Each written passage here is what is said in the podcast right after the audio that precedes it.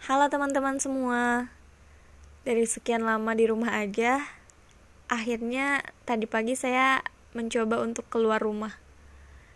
Ya lebih tepatnya memberanikan untuk keluar. Ya walaupun saya hanya pergi jalan ke Alfa Dan itu letaknya di depan rumah.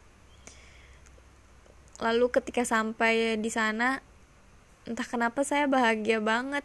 Tiba-tiba Terlebih lagi ketika saya melihat dua orang anak kecil yang sedang makan es krim dengan wajah yang belepotan, kemudian beberapa anak lainnya yang sedang asyik mengambil jajanan. Ketika sampai kasir, saya antri di belakang mereka. Dan ternyata uang mereka kurang. Mendadak mereka langsung lihat ke saya. Saya langsung bilang ke kasirnya, biar saya aja yang bayar. Mereka tiba-tiba senyum sambil bilang, "Makasih, Kakak." Ya ampun, di situ hati saya bahagia banget rasanya. Kayak melayang-layang gitu. Terus saya, bilang, "Iya, sama-sama, Adik." Ya Allah, mereka mereka langsung peluk saya. Saya saya entah kenapa jadi happy, saya happy-happynya gitu loh. Lalu ketika pulang, saya langsung cerita ke Sunyi. Saya bilang, ternyata bahagia itu sederhana ya. Sunyi itu tiba-tiba kaget karena saya tiba-tiba nanya begitu. Iya, itu memang benar adanya. Tapi kalau hanya sebatas kata-kata, semua orang bisa dengan mudah mengucapkannya. Iya kan? Hmm, iya sih. Karena kata sunyi Bahagia memang persoalan melatih diri bersikap dan berbuat dengan hati yang sederhana.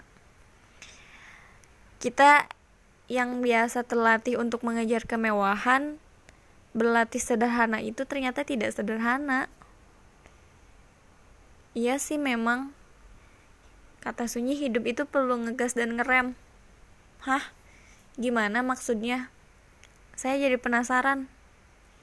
Iya, hidup ini agar bahagia, kita perlu belajar mengurangi dan menambah.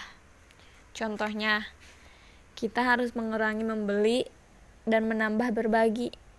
Kita harus mengurangi mencampuri hidup orang lain, menambah membenahi diri sendiri dan bercermin. Lalu mengurangi memiliki dan menambah memberi.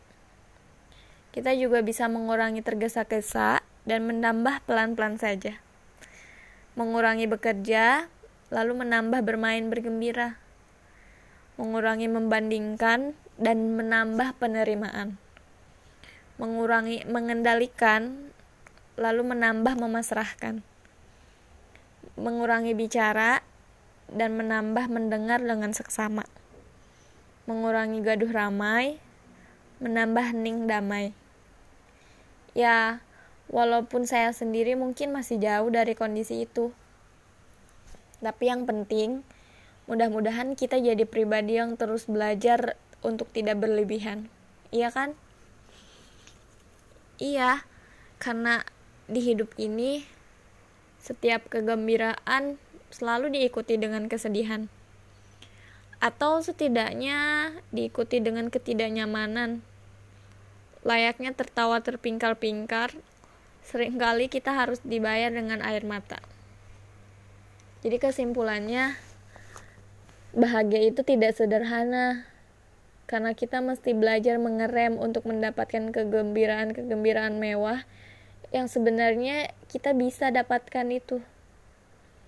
Lalu kenapa harus membatasi? Ya agar kesedihan yang mengikutinya pun semoga tidak membuat kita terpuruk kewalahan. Jadi sederhana saja.